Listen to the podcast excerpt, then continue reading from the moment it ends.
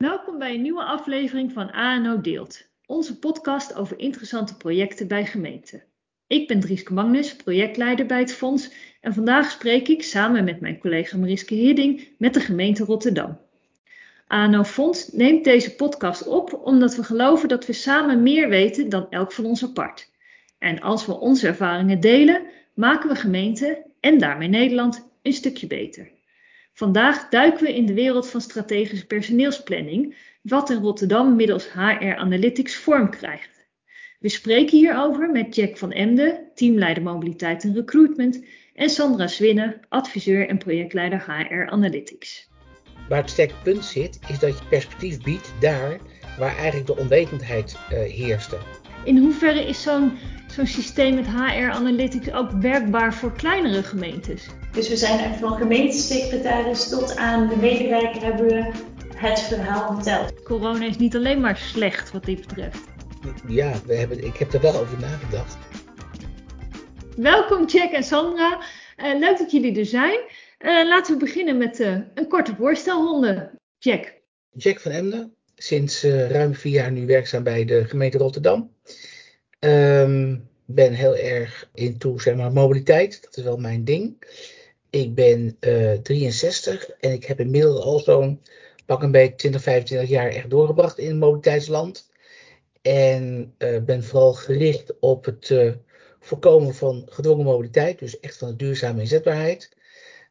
En doe dat met een team van bevlogen collega's op het gebied van recruitment en mobiliteit en inhuur. En sinds de laatste jaren nu ook zeg maar heel erg aan de gang met uh, data. En daar denk ik dat Sandra iets uh, aan jullie van zou kunnen vertellen. Inderdaad. Nou, ik ben Sandra Swinnen. Um, nu 2,5 jaar werkzaam bij de gemeente Rotterdam, dus nog niet zo heel erg lang. Wel veel ervaring in die hoek van uh, data en analytics, nu ruim 20 jaar. En um, bij de gemeente Rotterdam doe ik dat in de HR-hoek. En dus zoals Jack al zei, mobiliteit, uh, voor mobiliteit hebben we slimme oplossingen bedacht om vraag en aanbod bij elkaar te brengen op een datagedreven manier. En daar ben ik uh, de projectleider, deelprojectleider voor op het, op het project. En daarnaast heb ik een rol als HR Analytics adviseur. Dus wat is er nodig om HR Analytics überhaupt uit te rollen in de HR-kolom? Wat voor mensen heb je daarvoor nodig? En hoe kun je goed antwoord geven op de vraagstukken die er, die er liggen? Ja, HR Analytics, precies. Daar waren wij heel benieuwd naar. Want dat, jullie hebben ons kort verteld wat het is en wat het uit, inhoudt. Maar voor de luisteraar, HR Analytics, wat zijn jullie uh, kort aan het doen in Rotterdam? Nou, er zijn verschillende dingen die we met HR Analytics aan het doen zijn. Want wat je eigenlijk doet met uh, Analytics is met data inzichten creëren in de vraagstukken die er liggen. Voor de vraagstukken die er liggen eigenlijk. Uh, dus we hebben veel HR-data over ons personeel, over verzuim, over mobiliteit. En juist met die gegevens kun je uh, terugkijken naar het verleden. Dus hoe zag die mobiliteit er in het verleden uit? Uh, verzuim, hoe was het verzuim in het verleden? Zien we daar bepaalde trends in? En zeker als er grote veranderingen op, opspelen, dan kun je met data gaan analyseren van waar komen die veranderingen vandaan en wat kunnen we daarvan leren naar de toekomst om het te voorkomen, of misschien juist in het geval van mobiliteit uh, te promoten. Uh, dus het is, ja, het is eigenlijk een mooi hulpmiddel om de grote vraagstukken die er liggen behapbaar te maken en te beantwoorden. Ja, je hebt net wat voorbeelden gegeven over HR Analytics. Wat zijn jullie nu aan het doen in Rotterdam op het gebied van mobiliteit? Nou, wat wij nu hebben uitgerold is een, een programma, dat noemen we Matchup. Um, en wat dat is, is dat het een allesomvattend datagedreven proces is voor loopbaanbegeleiding en strategische personeelsvraagstukken. En als je dan kijkt vanuit die HR Analytics hoek, vanuit de datahoek, daar hebben we drie pijlers ontwikkeld. Ten eerste kijken we terug naar het verleden. Dus wat is er gebeurd op mobiliteit en wat kunnen we daarvan leren naar de toekomst? Aan de andere kant maken we prognoses naar de toekomst. Dus waar gaat krimp, groei en een veranderende waar, gaan, waar zitten veranderende rollen, waar gaat het uh, plaatsvinden en wat is je stabiele basis in de arbeidsmarkt. En ten derde um, willen we een salespaspoort creëren waar kenmerken van onze medewerkers in zitten, zodat je met gebruik van algoritme en met gebruik van analyse-technieken vraag en aanbod bij elkaar kunt uh, voorspellen. En aan de andere kant, dit is al de harde kant, de datakant, ehm, geven wij een, transitie weer in die HR-kolom op het gebied van ehm, mobiliteit, vragen naar bij elkaar brengen. En um, waarom wilden jullie hier graag iets over vertellen? Nou, omdat het niet alleen maar een heel geweldig hulpmiddel is, maar ook omdat het gewoon ons enorm gaat helpen in het voorkomen van die gedwongen mobiliteit, onder andere. Het gaat ons nog veel meer helpen. Het gaat ons inzage geven in daar waar um, uh, verander- en verdwijnfuncties uh, zijn in de organisatie, waar krimp is, waar groei is. En daar waar het ons echt altijd overkwam dat er een frictie ontstond tussen vraag en aanbod. En waarbij dan het aanbod op een gegeven moment uh, nou, of ging verdwijnen via nou ja, outplacement trajecten of via herplaatsingen, herplaatsingsprocedures. Kunnen we nu veel meer van tevoren dat zien aankomen om daarop te anticiperen. En veel meer in de gelegenheid te zijn om mensen daarin mee te nemen. In het ontwikkelen van loopbaanpaden naar groei. Uh, kijken van hoe we met krimpgebieden in de organisatie om zouden kunnen gaan. Wat het betekent. Uh, zonder dat dat echt heel erg veel, veel minder impact heeft dan zeg maar, een hele rigoureuze reorganisatie van wat we dan jaren geleden deden. Dat willen we eigenlijk ook niet meer. En we denken eigenlijk ook dat het voor een groot gedeelte ook niet meer echt nodig is. Mits je maar wel daar tijdig op kan anticiperen. En daar gaat die data ons enorm bij helpen. En dat zien we ook in de praktijk dat dat gebeurt.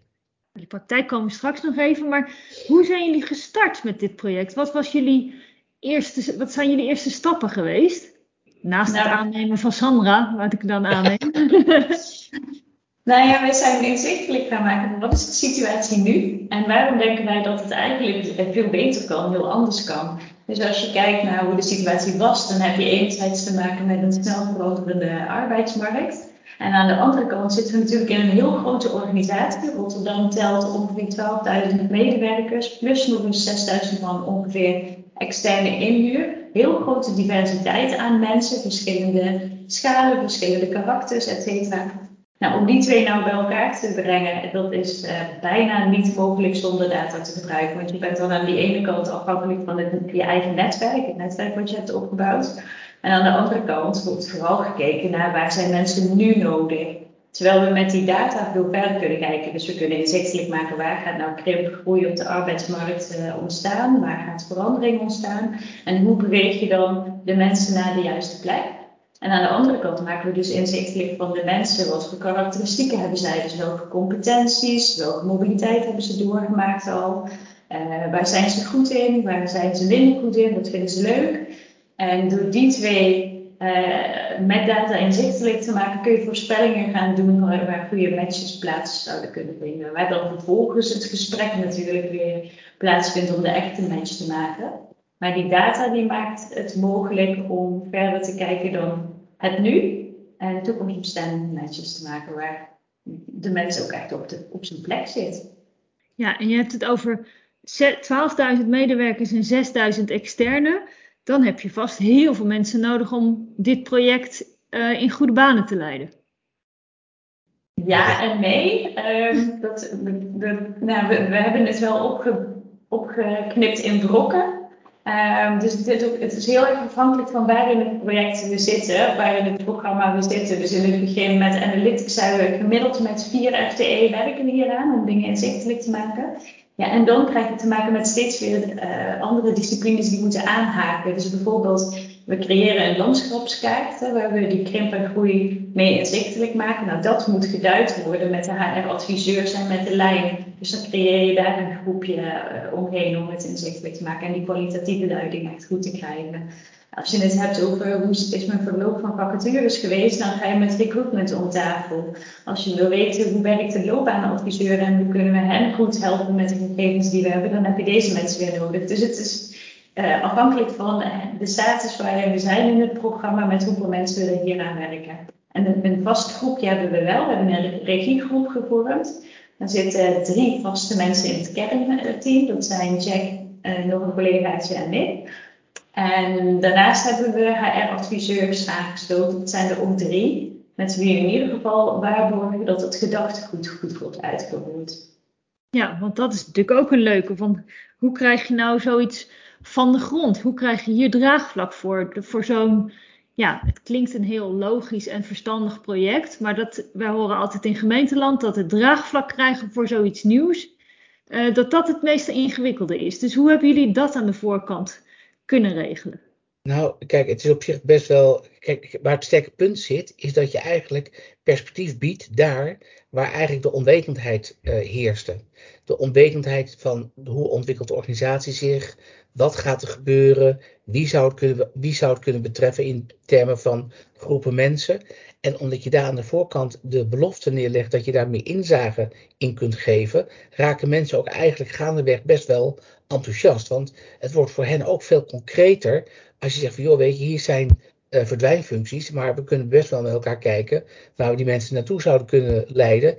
In, in technische zin dan, hè? want je moet altijd echt met mensen zelf het gesprek aangaan. Maar je gaat veel gerichter en met veel meer focus kun je dat gesprek met mensen gaan voeren. En dat is wat een hoop collega's van HR advies, maar vooral ook lijnmanagers, um, als opdrachtgevers, um, dat ook heel erg enthousiast maakt. Omdat zij ook zoiets hebben van, joh, ik zit met een stuk uh, uh, automatisering of met een stuk robotisering. En ik heb een aantal mensen waar ik misschien over een jaar geen werk meer voor heb. En hoe ga ik dat oplossen? En op het moment dat je dan met dit soort oplossingsgerichte uh, zaken aankomt, dan worden zij er enthousiast over. En dan gaat ook echt alles in de meewerkstand, noem ik het maar eventjes. En vooral ook in de acceptatiestand. Ja, want dan hebben ze gewoon zelf profijt en dan is het gewoon ook ja, praktisch vertaalbaar. Ja, het wordt heel erg concreet dan. Het is niet meer een soort blackbox, weet je, dat er uit een laadje vanuit een personeelschouw of vanuit een soort uh, personeelsbeoordelingsformulier allemaal dingen naar voren gehaald moeten worden die heel erg lastig over elkaar heen te leggen zijn. Nu, krijg je redelijk in een soort mooie flow inzichtelijk van wat er zou kunnen gebeuren. Wat uitstroomperspectieven zijn voor collega's in de organisatie. De vraag is natuurlijk wel van hoe je ze daar naartoe kan leiden. En dat vergt nog wel steeds handwerk en het goede gesprek met elkaar. Ja, klinkt allemaal heel mooi. Uh, maar ik wil dat toevoegen. Ja, Oké, okay, want ik wilde zeggen dat draagvlak creëren, dat heeft natuurlijk ook wel heel veel te maken bij ons met het, um, het gesprek blijven voeren. Dus we zijn echt van gemeentesecretaris tot aan de medewerker hebben we het verhaal verteld. Wat is dat nou wat we graag willen gaan doen en hoe kunnen we de stad, de organisatie en de medewerker hiermee helpen? En juist door dat verhaal te vertellen en die perspectieven goed neer te zetten vanuit al die invalshoeken, Um, en dan, hoe Jack ook al zei, experimenteel hier aan te werken, dus de vraagstukken aan te pakken en dan leren van elk vraagstuk wat we weer aanpakken. Daar wordt dat uh, draagvlak heel snel mee gecreëerd en je hebt uh, daarmee meteen je ambassadeurs te pakken. We kunnen succesjes aan gaan tonen met de experimenten die we doen. En zo gaat dat draagvlak eigenlijk heel snel heel, heel verder de organisatie in. Dat klinkt leuk, ja, inderdaad. Als je je succesjes kan vieren. Over succesjes gesproken, waar Waar in de ontwikkeling staan jullie nu? Ja, zoals gezegd, dus dat verhaal vertellen, dat hebben we heel veel gedaan. Veel presentaties gegeven. We zijn ook met een design thinking methode aan de slag gegaan om het, uh, om proces goed door te lichten. Van welke stappen ga je nou zetten om die transitie eigenlijk, want het is een transitie die we vormgeven, een beweging die we vormgeven. Hoe ga je dat doen? Dus dat, ja, het verhaal, dat staat heel sterk. Dat hebben we goed doordacht. En daarnaast uh, met analytics zijn we gewoon aan de slag gegaan. Ik denk dat dat met analytics altijd de juiste manier is om te doen. Kijken welke data we al hebben, dat inzichtelijk maken met de juiste mensen om tafel. En dan uh, steeds verder daarop uh, voortborduren. Dus dat hebben we gedaan. Um, daarnaast zijn we aan de slag gegaan met het coderen van al onze functies die we hebben bij Rotterdam naar Europese standaarden, de ISCO-ESCO-standaarden. Dus dan kunnen we ook de vertaalslag maken naar de buitenwereld, naar de rest van uh, Nederland bijvoorbeeld. Dus waar gaat daar de, de arbeidsmarkt naartoe? En, en ook competenties. Je hebt daar standaard competenties in dat gedachtegoed. En zo kunnen we heel goed intern gaan kijken waar zitten nou overlappen in competenties in verschillende beroepen. Dus wat zijn logische bewegingen? Dus dat hele voorwerk is gedaan. De kwalitatieve duiding is een heel belangrijke, daar zitten we middenin. Uh, want wij kunnen zelf vanuit de data coderen van onze functiegroep naar een standaard. Maar dat betekent nog niet dat de specialist in de lijn het helemaal mee eens is. Daar kan nog wel eens een nuance zitten. Dus dat zijn we aan het uh, uitvoeren. De landschapskaart hebben we inmiddels gecreëerd. Hè? Dus door te kijken naar interne trends en externe bewegingen en interne trends ook van externe eenheden kunnen we gaan kijken waar zit nou die ontwikkeling? Dus krijgt echt een mooie plot van die kreepgroei, veranderende banen en stabiele basis. Dus die hele basis eigenlijk, al die stapjes, um, dat zijn we aan het leggen. En dan voor de medewerkers zijn we langzaam aan het werken naar een skillspaspoort. Dus kijken welke competenties hebben onze medewerkers, in welke schaal werken zij, wat zijn hun ambities. Dus dat maken we inmiddels ook inzichtelijk. En dat zijn eigenlijk allemaal basiselementen die we al hebben in de organisatie. En daarmee gaan we die experimenten in. Dus uh, daarmee gaan we nu al bewijzen dat als jij inzichtelijk kan maken wat jouw mensen kunnen aan de ene kant en aan de andere kant waar groei zit, dat die beweging makkelijk um, te maken is. Dus ja. dat zijn de stappen zoals we ze nu, zoals we ze nu hebben staan. Ik weet niet of ik het een paar vergeet, ja? Nee, eh, helemaal eens. Er zit nog eentje die eraan vooraf gaat, realiseer ik me. En die is in het voortraject ook heel erg belangrijk gebleven. We hebben wel een visie ontwikkeld van hoe we met mobiliteit om willen gaan binnen de gemeente Rotterdam. En die visie is dat we optimaal gebruik willen maken van onze interne capaciteit. En dat heb je makkelijker gezegd dan dat het ook daadwerkelijk gebeurt. Dus dat hebben we ook eh, eigenlijk nog voorafgaand aan dit project als visie omarmd. We hebben ook zeg onze afdeling mobiliteit ook echt ingericht om te kijken van joh, als ik een capaciteitsvraag krijg, dus we praten niet meer over een vacature, maar over een capaciteitsvraag, dan kijken we naar wat is de impact ervan. Is het een krimp of een groeifunctie? Is het een verdwijnfunctie of een andere functie? En dat heeft impact op hoe recruiters met elkaar werken, hoe de inhuurdesk samenwerkt met recruiters, want stel dat het inderdaad een krimpfunctie is, dan gaan recruiters hem niet meer zomaar van de arbeidsmarkt plukken, want dan koop je eigen boventalligheid in. En dan zou je misschien beter het advies kunnen geven van joh, op deze positie zou ik adviseren om er liever in te huren, want misschien over een jaar gaat die functie verdwijnen. En dan heb je met duidelijkheid naar de medewerker zelf toe uh, aangegeven van wat, daar de bedoeling van is. Uh, en het is ook informatie voor de loopbaanadviseurs die zeg maar uh, cliënten ontvangt met een loopbaanwens, die veel makkelijker het perspectief van de interne arbeidsmarkt aan een cliënt of aan een uh, medewerker kan schetsen. Uh, en ook voor de managers zelf is het een belangrijke boodschap dat ze eerst om zich heen kijken, om zich heen leren kijken van wat kan ik zelf sourcen, eventueel met behulp van de recruiter of anderszins. Maar het besef eerst intern voordat we hem gaan openstellen extern, dat is wel iets wat zeg maar de afgelopen, nou mag wel zeggen, drie jaar echt gegroeid is. Precies, en zeker als je zo'n goed beeld hebt van wat je intern hebt, dan, is, dan zit daar natuurlijk al heel veel winst. Want je kan gewoon aantonen dat je de capaciteit ook intern hebt. Ja, zeker. En daarom is dat skillspaspoort, wat Sander al zojuist noemde, heel erg belangrijk. Want nu weet je ook van hoeveel potentie heb ik dan in mijn organisatie zitten. En waar zit die potentie misschien wel in gebieden die zometeen dreigen te veranderen of te verdwijnen. Want dan kun je daar wat actiever misschien in zoeken. Ja, en um, welke, welke stap heeft uh, jullie project nu een echte boost gegeven? Nou, ik moet zeggen, de corona-organisatie heeft wel een aanzet gegeven, als ik heel eerlijk ben. Um, want aanvankelijk zijn we er echt mee aan de gang gegaan vanuit een bepaalde visie en overtuiging dat het zo kon.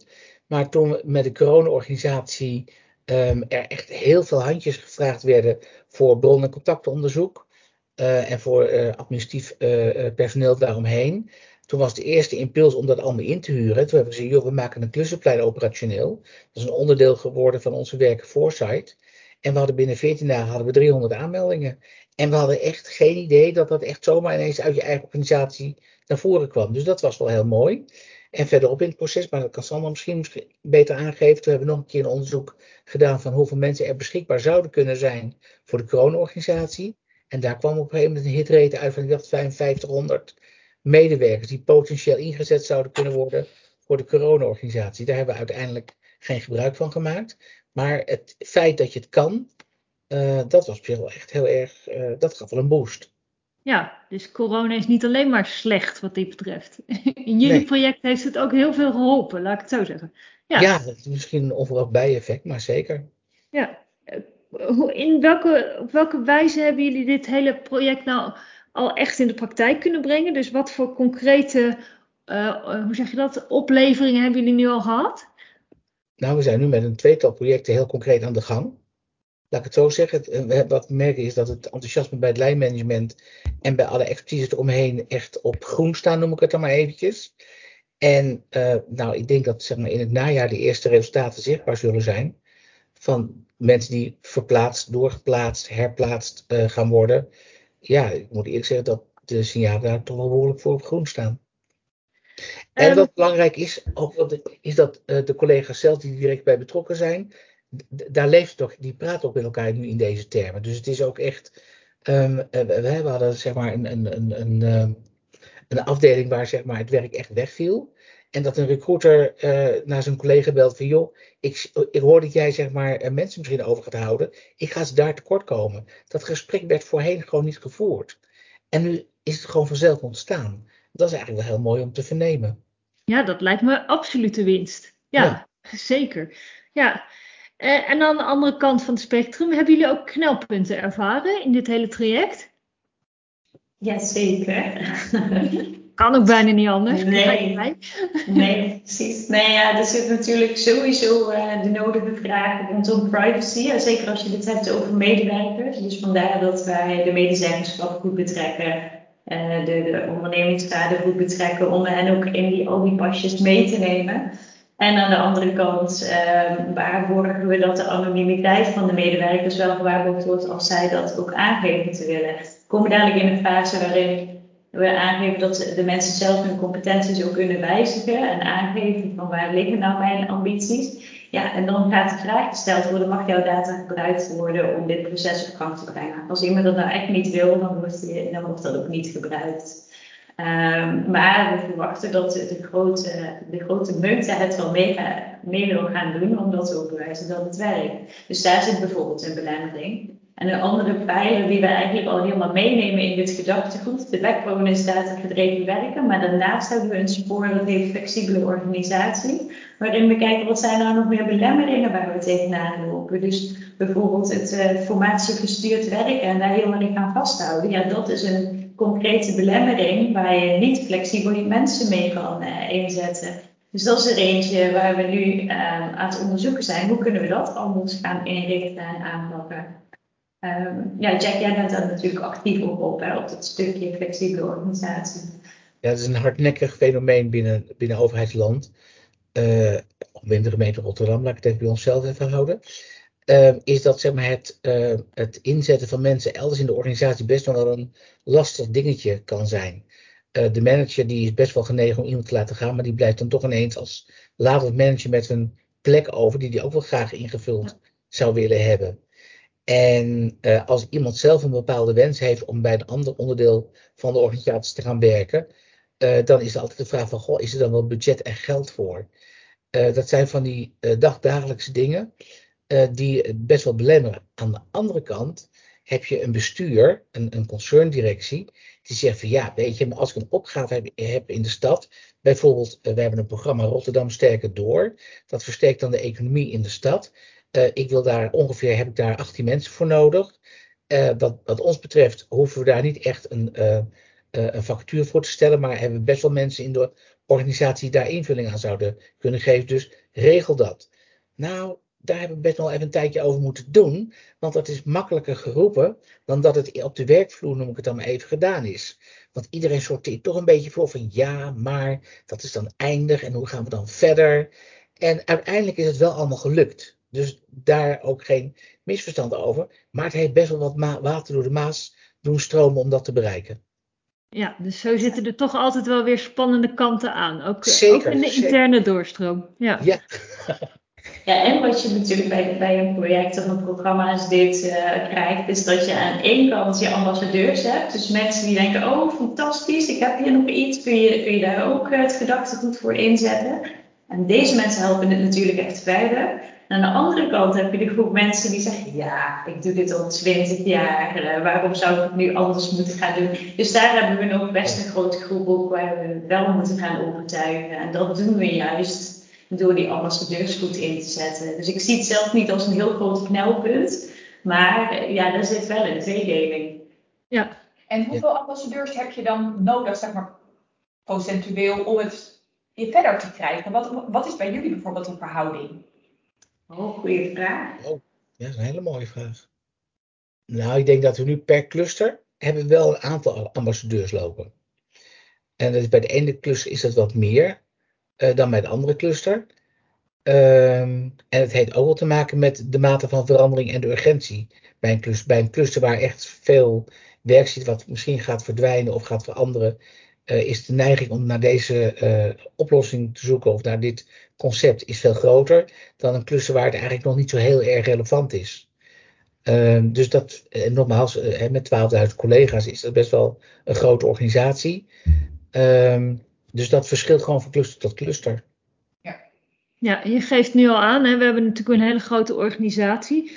In hoeverre is zo'n zo'n systeem met HR Analytics ook werkbaar voor kleinere gemeentes?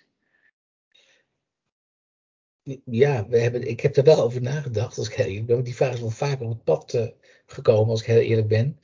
Ik denk, kijk, uh, wij hebben zeg maar beschikking over Sandra, noem ik het dan nog maar eventjes. En die stuurt haar analytics team aan en die kan die informatie leveren.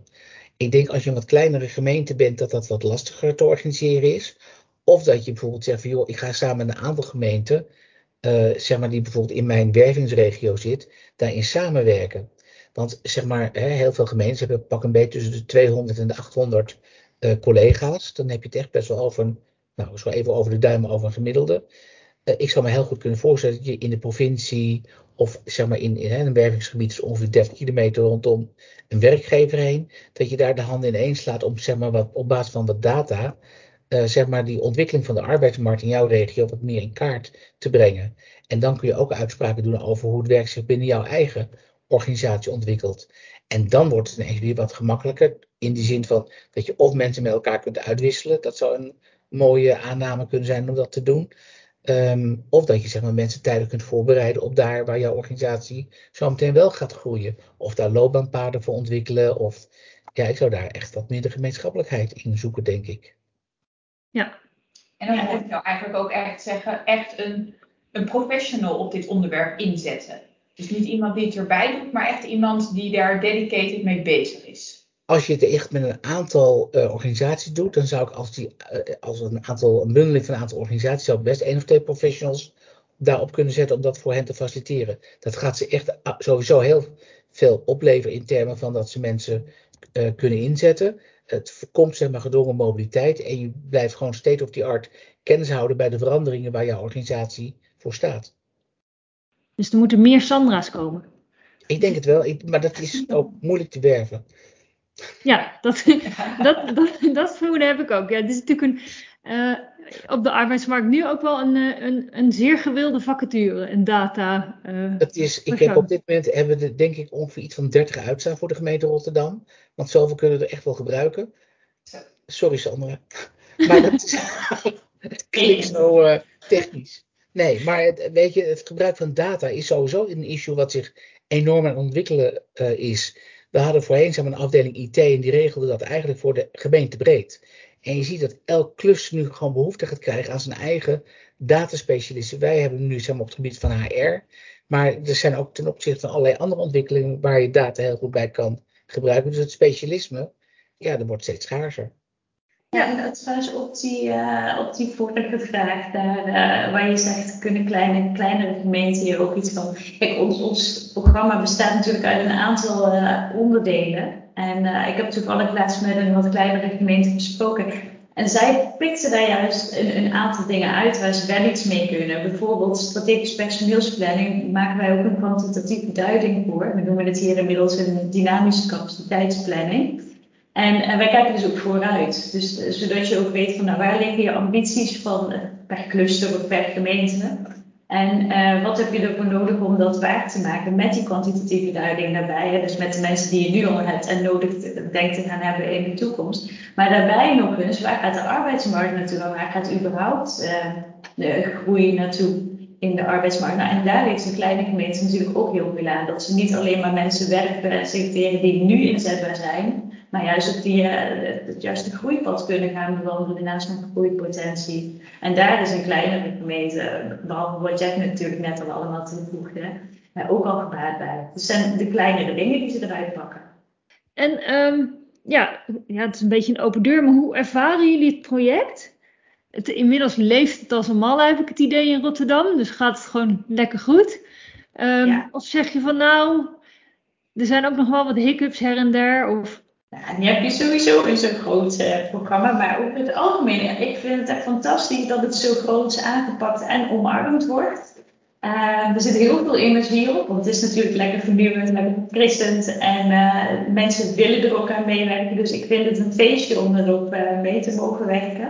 En wat helpt is dat we het op, op die agile manier doen, hè? op dat experimenteervlak. Dus het, het is eigenlijk een, grote, een kleine bal die gaat rollen, zo'n sneeuwbal die alsmaar groter wordt. En het is fantastisch om te zien hoe die, hoe die ontwikkelingen gaan. Dus ja, ja heel fijn. Ja, ik heb echt dagelijks gewoon echt een enorme hoeveelheid energie van. Het is gewoon echt uh, super om ermee te mogen werken. Rotterdam biedt er ook echt alle gelegenheid voor en volop het experiment om daar mee bezig te zijn. je ziet er een hoop collega's blijven worden. Uh, en ja, we hebben toch met elkaar toch echt wel het idee dat dit wel een beetje de toekomst is die zeg maar werkelijkheid gaat worden. Dat is, uh, op een positieve manier.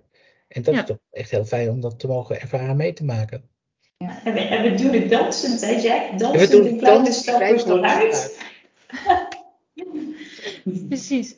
Ja, nou ja, ik, ik, het klinkt natuurlijk allemaal heel mooi en fantastisch. Dus ik, het is ook superleuk om jullie er zo enthousiast over te horen vertellen. Dus uh, ik, ik, snap helemaal dat je er energie van krijgt. En dat het, uh, dat het leeft en dat het ook steeds groter wordt. Dat de sneeuwbal steeds, uh, steeds groter wordt. Ja, en ik heb toch nog uh, een vraag. Want nou ja, ik hoop dat, dat andere gemeenten zitten te luisteren en denken: oh ja, hier moeten wij toch ook meer mee gaan doen. En daar kan ik me voorstellen, een, een HR Analytics persoon vinden is dus heel moeilijk. Zijn er st eerste stappen die een gemeente al kan nemen om goed voorbereid te zijn op, op zulke mooie ontwikkelingen? Ja, ik denk als je het specifiek hebt over HR Analytics, dan zou ik zeggen: zorg vooral dat je goed registreert, je gegevens goed bijhoudt en dat ook op een consequente manier doet. We hebben hier gezien, doordat we overgingen op een nieuw systeem, dat het heel belangrijk is om aan de voorkant na te denken hoe je dingen vastlegt en dat je dat dus consequent blijft doen en wij ook allemaal eenzelfde way of work hanteert. Want uh, kwaliteit in is natuurlijk kwaliteit uit. En dan heb je aan de achterkant heel veel uh, uh, correctiewerk uit te voeren als je dat niet doet. Dus dat is sowieso een eerste stap.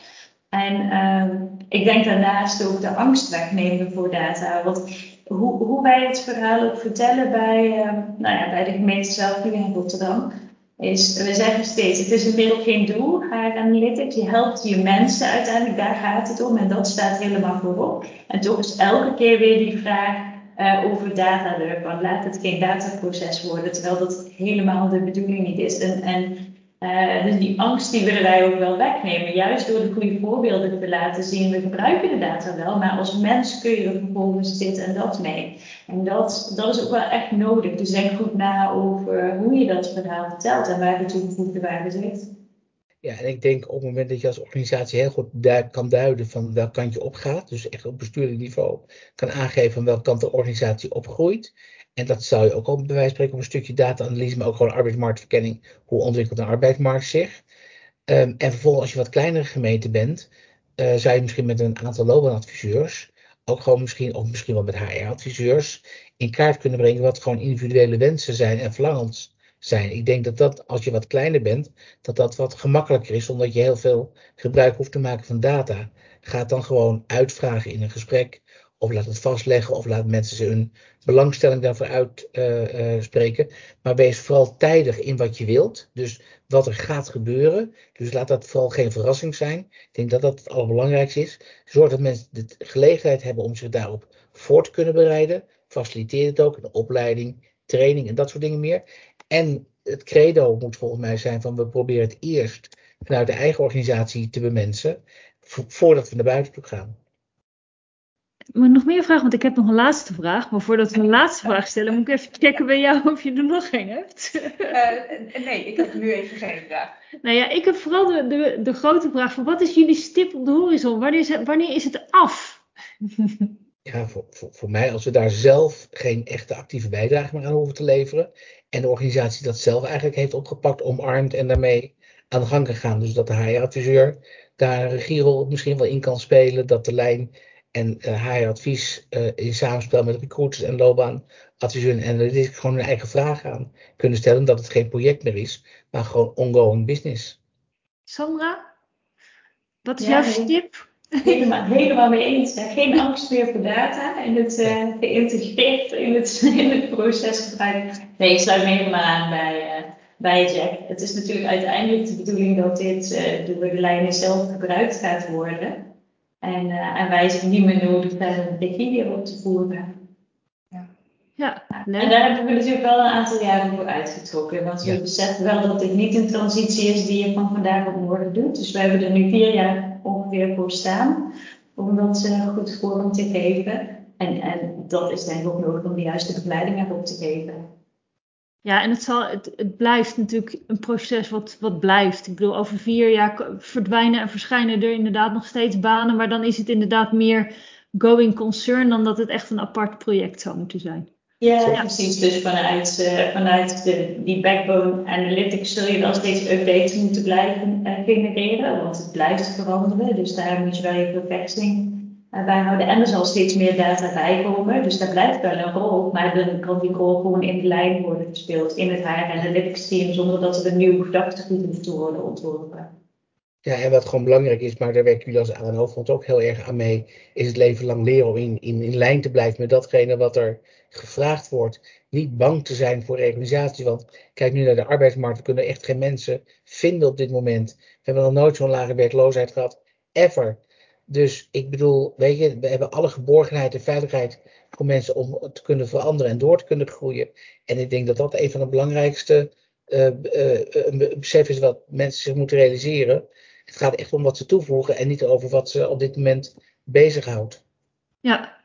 Ja, en dan, heb je, dan, dan wil je dus juist weten wat voor kapitaal je al in huis hebt en wat voor waarde daarin zit. Precies. Ja. Precies. Dus misschien met, met het skillspaspoort moeten we nog eens goed over verder uh, dindammen. Ja, ja, precies. Dat, uh, dat zijn ook onderwerpen waar wij ja. weer heel erg mee bezig zijn. Ja, maar precies. we spreken in ieder geval af dat wij jullie de komende vier jaar gaan volgen. Om te kijken wat voor mooie resultaten hier allemaal nog meer uitkomen. Zodat we daar nog veel meer aandacht aan kunnen geven. Op het moment dat er weer mooie resultaten komen. Dus hou ons ook vooral op de hoogte, zou ik willen zeggen.